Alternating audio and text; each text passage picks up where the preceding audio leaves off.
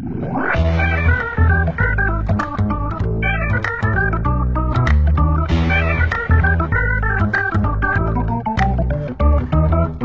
Sevgili Ümit Sabi Kubuş, Sevgili Mustafa Can, nasılsınız? şahaneyiz valla sizleri sormalı. Bahar aylarından alışkın olduğumuz bir durum var. Camı pencereyi açıyoruz, sabahleyin uyanıyoruz kuş sesleriyle beraber ki ben kuzguncuktayım.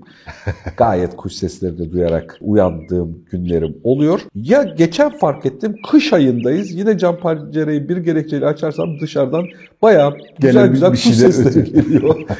ben de dedim ki Ümit Sami Kumuş'la beraber bunun programını yapıyoruz ya. Kim bu kuşlar? Ben bunları niye tanımıyorum? Arkadaşım Değil mi? şeklinde sana sorayım istedim. Kim bu kuş? Kimi duyduğunu bilmiyorum. Onu belirleyebilmem için benim de duymam veya görmem gerekiyor ama buradan yola çıkarak bugünkü konumuz olan kızılgerdan veya nar kuşu veya robin olarak adlandırılan bir ötücü kuş olma ihtimali yüksek. Niye yüksek? Çünkü bu güzide arkadaşımız kış göçmenlerindendir. Kuzeyde kış sertleştikçe üremek için ve kışı geçirmek için bizim topraklarımıza, Türkiye'ye geliyor. Peki yani kabaca akrabalar, eş dost ve evrimsel açıdan bir tanıyalım onu. Hemen Kimlerdendir? Hangisi o? Geliyor da misafir edelim mi? Güzel ötüyor diye başka şeylere de faydası zararı var mı? Mala da vara faydası var mı? Mala da varsa ta- tabii ki faydası var. Bir kere şuradan başlayalım. Kuşların arasında çok özel, herkesin çok sevdiği, genellikle onları takip ettiğimiz ama adını bilmediğimiz bir grup var. Passeriformes, ötücü kuşlardan. Birbirlerine cilve yapan, öten, böyle dişisini çağıran, cıvıldayan kuşların kabaca söylüyorum bunu. Tabii biyolojide böyle bir şey yok ama bunlara Passeriformes yani ötücü kuşlar diyoruz. Bizim kızılgerdan veya robin, diğer adıyla bazı yöresel adıyla nar kuşu da ötücü kuşlardan oluyor. Gözlemlenmesi çok zordur. Duyması çok kolaydır ama hani sesi ayırt edebiliyorsan bilirsin. Gözlemlenmesi zordur çünkü çok küçüktür. Hani en irisi böyle 5 santim, 6 santim, 7 santim civarındadır. Fakat uygun bir dürbünle uygun pozisyondan baktığın zaman nefis bir görüntüsü vardır. Böyle dişisinin de erkeğinde göğsünde turuncu böyle kızıla yakın bir e, Kızarmaya başlayan nar gibi. Aynen öyle. Yeni kızarmaya başlayan nar gibi kenarında da böyle mavi süprüntüler vardır. E, Latince adı da Eritacus rubecula. Bunu isimlendirmeyi başaran abimiz de, bu ismi teklif eden doğa bilimci de buradan yola çıkarak demiş. Eritacus kırmızımsı demek Türkçe'ye yarım yamalak çevirirsek. Rubeculus da bizim normal Türkçe'de de kullandığımız roba vardır ya, elbisenin robası. Eritacus rubecula kırmızı göğüslü. Kırmızı robalı, Kırmızı urbalı veya kırmızı urbalı urbalı. Ha. gibi. İsmi de o Eritacus rubecula da birbirine yakın bizim kullandığımız gibi. Kızılgerdan diyoruz ya. Bizim orada onların hepsine serçe deniyor. Biz sadece ebatıyla ayırt ediyoruz çünkü. Yani küçükse serçe, büyükse sığırcık. Sığırcık kadar entelektüel de değiliz. Büyürse karga ya da onun bir boy, bir boy üstlerinde de kartal falan yani. Hani Anladım. Bence yani hani Aristo'nun meşhur bu şey vardı ya sınıflandırması. İşte hayvanlar, bitkiler, bitkiler, ağaçlar, e, çalılar, otlar. Hani adam da sınıflandırmanın babasıdır bu arada. Hani başlangıç o kabul edilir. Yani oraya kadar ilk yapılmış. defa yapacaktı işte. Yani. Güzelmiş. Orada da böyle bir sınıflandırma var. Ötücü kuşlardan küçük kış göçmeni. Bu Robin Hood'un Robin'i de aslında buradan gelir. Bu isimden böyle kültürel Ha, kuşun şeyler- isminden geliyor Robin. Tabii. Aa de, de- enteresanmış. Robin Hood. Robin, e, bir şey Sherwood ormanlarında Robin Hood'un o Robin kelimesi de bu kuşun E, geliyor. çünkü onun orijinalinde de biz hani çok böyle Errol Flynn'den falan dinledik, Kevin Costner'dan izledik falan. Çok böyle deriler, meriler falandır. Onun orijinalinde adam turuncu giyiyor. Yani turuncu don üzerine yeşil parkayla dolaşıyor. Anladım. Böyle gözümde hatırlatmasan iyiydi. İki silmek birden oldu. evet böyle bir çok kötü bir görüntüydü. İki gerçekten yaşlı olduğumu hatırladım yani öyle. Taytlarla ortalıkta dolaşan bir modeli de vardı Robin Hood'un haklısın. Yani yaşam alanında da bu arkadaşlar kurtlarla, kurtçuklarla, işte böceklerle, sineklerle falan beslenirler. O yüzden insan yaşamına yakın olan yerlerde bizi rahatsız eden böceklerden, kurtlardan, ağaçlardaki parazitlerden falan kurtarırlar. Çok da o yönden faydalı. Sonra tekrar geriye göçüyorlar. Sonra tekrar geri göçüyorlar. Yani kuzey ısınmaya başladığı zaman kendi habitatlarına geri dönüyorlar.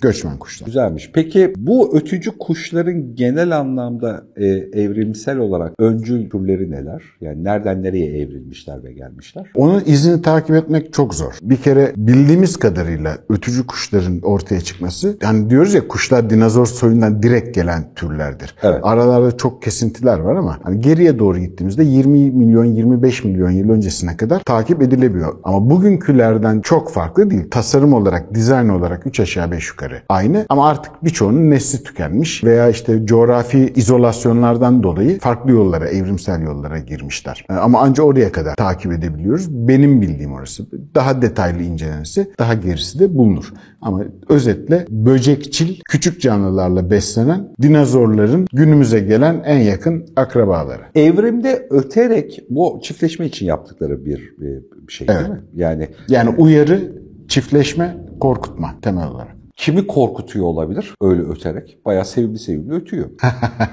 yani biz de ver- dinlerken sevimli sevimli ötüyor da verdiği mesajın ne olduğunu anlamak için onları iyi takip etmek Meğer gerekiyor. psikopatmış. E, ya şöyle mesela serçelerde hiç dikkat ettiğimi bilmiyorum. Onlar daha büyük kolonilerde yaşadığı için gözlemlenmesi daha kolay. Eğer yapmadıysan tavsiye ederim. Özellikle mesela Sultanahmet civarlarında falan serçe kolonileri vardır. Bunlar yerden beslenirler. Her- Herkes yerdeki kuşa odaklanır. Kafayı kaldır, yakındaki yüksek alana hakim ağaçların üstlerine bak. Genellikle eril olanlar, iri olanlar ve iyi ötenler yukarıdadır ve gözcüdür bunlar. Dışarıdan bir tehdit gelmeye başladığı anda ötmeye başlarlar. Bütün koloninin ne yapacağına karar verirler. Mesela bu bir uyarı ötüşü. E aynı zamanda mesela yuvasında yavrusunun yumurtasını koruyor. Buraya gelen herhangi bir saldırganı korkutabilecekse, her zaman mümkün değil tabii, korkutmak için de çığlık atıyor. Ama başat olarak tabii ki iş çiftleşmede. Orada da şöyle enteresan bir paradigma vardır. Biz yani bu işlerle uğraşan bilim insanları yüzlerce yıl önce noktayı koymuşlar. Demişler ki ötücü kuşlarda erkekler öter. Niye? Dişi kuşu cezbetmek için. Çok yeni daha. 10 sene, 15 sene önce belki 20 seneyi bulmamıştır. Bu ses kayıt teknolojileri geliştikçe öğrendiler biz yüzlerce yıldır yanlış biliyormuşuz. Sadece erkek ve kuşlar değil, dişi kuşlar da ötüyorlar ve erkeklere göre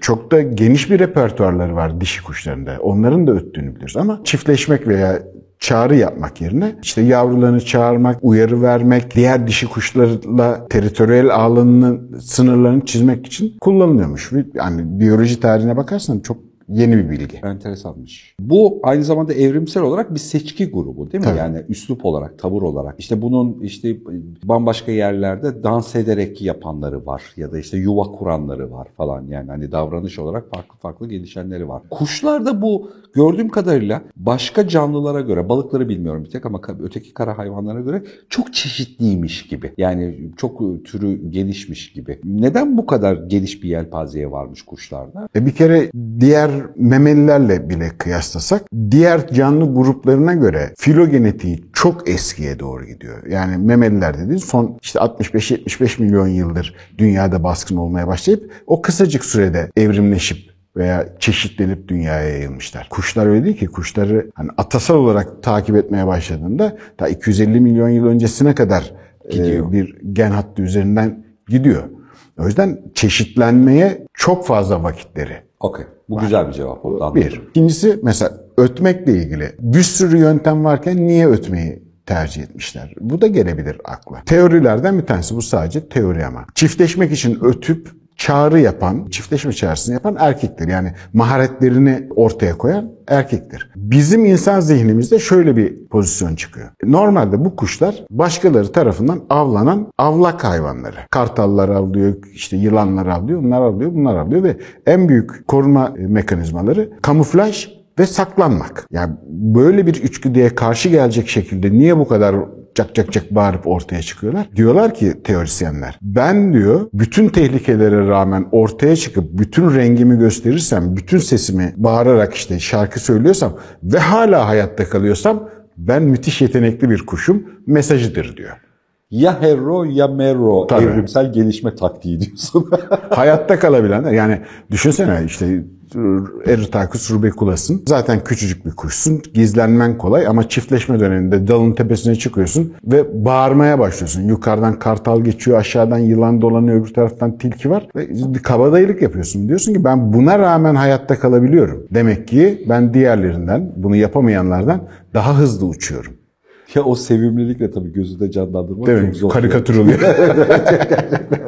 çok sevimli. Aynen öyle. Daha önce de başka kuşlardan konuşurken lafı geçmiş de sonuçta Robin de yani Kızılgerdan'da göçmen bir kuş ve göç yollarını manyetik alanları tarayarak oluşturuyor. Ve güzel yanı şu, bu türün güzel yanı şu, bu konuyla ilgili çalışan bilim insanları Robin üzerinde, Kızılgerdan üzerinde çok çalıştılar. Bu manyetik alanı nasıl algılıyor, yönünü nasıl buluyor, ne kadar kesinlikle buluyor gibi üzerine çok çalışılan bir kuş. Mekanizması çok iyi çözüldü. Yalnız çok enteresan bir şey fark ettiler. Manyetik alanı takip ederek, dünyanın manyetik alanını takip ederek giderken gözüne giren ışıkla yüksek ışıklı bir yerde gidiyorsa bir tuhaflık oluyor kuşlarda ve daha kesin ulaşıyor bir yerden bir yere. Bunu da merak ediyorlar ne oluyor diye. Çok yeni bilgidir. Doğruluğu kanıtlanmış bir şey değildir. Sadece bunun üzerine kullanılıyor. Yeni kuantum fiziği paradigmasında dolanıklık dediğimiz bir olay var ya eşlenen fotonlar veya eşlenen elektronlar. İddiaları o. Ben onların yalancısıyım. Robin'in gözlerindeki bazı özel hücreler foton gözüne girdiği zaman, foton oraya ulaştığı zaman diğer bir fotonla eşlenik hale geliyor. Kuantum düzeyinde eşlenik hale geliyor ve çok daha kesin, çok daha net yolunu bulduğunu iddia ediyorlar. Ama sadece bir iddia benim için bile çok yeni bir bilgi. Robin'e bak sen yahu. Değil mi? Hafife aldık kendisini ama. Yani parmağım kadar boyu var ama türlü türlü huyu var. Kötü şaka. Boomer şakasıyla da konuyu kapatıyoruz. Boomer olduk artık ya. Sabicim çok teşekkür ediyorum. Mustafa Can ben teşekkür ediyorum.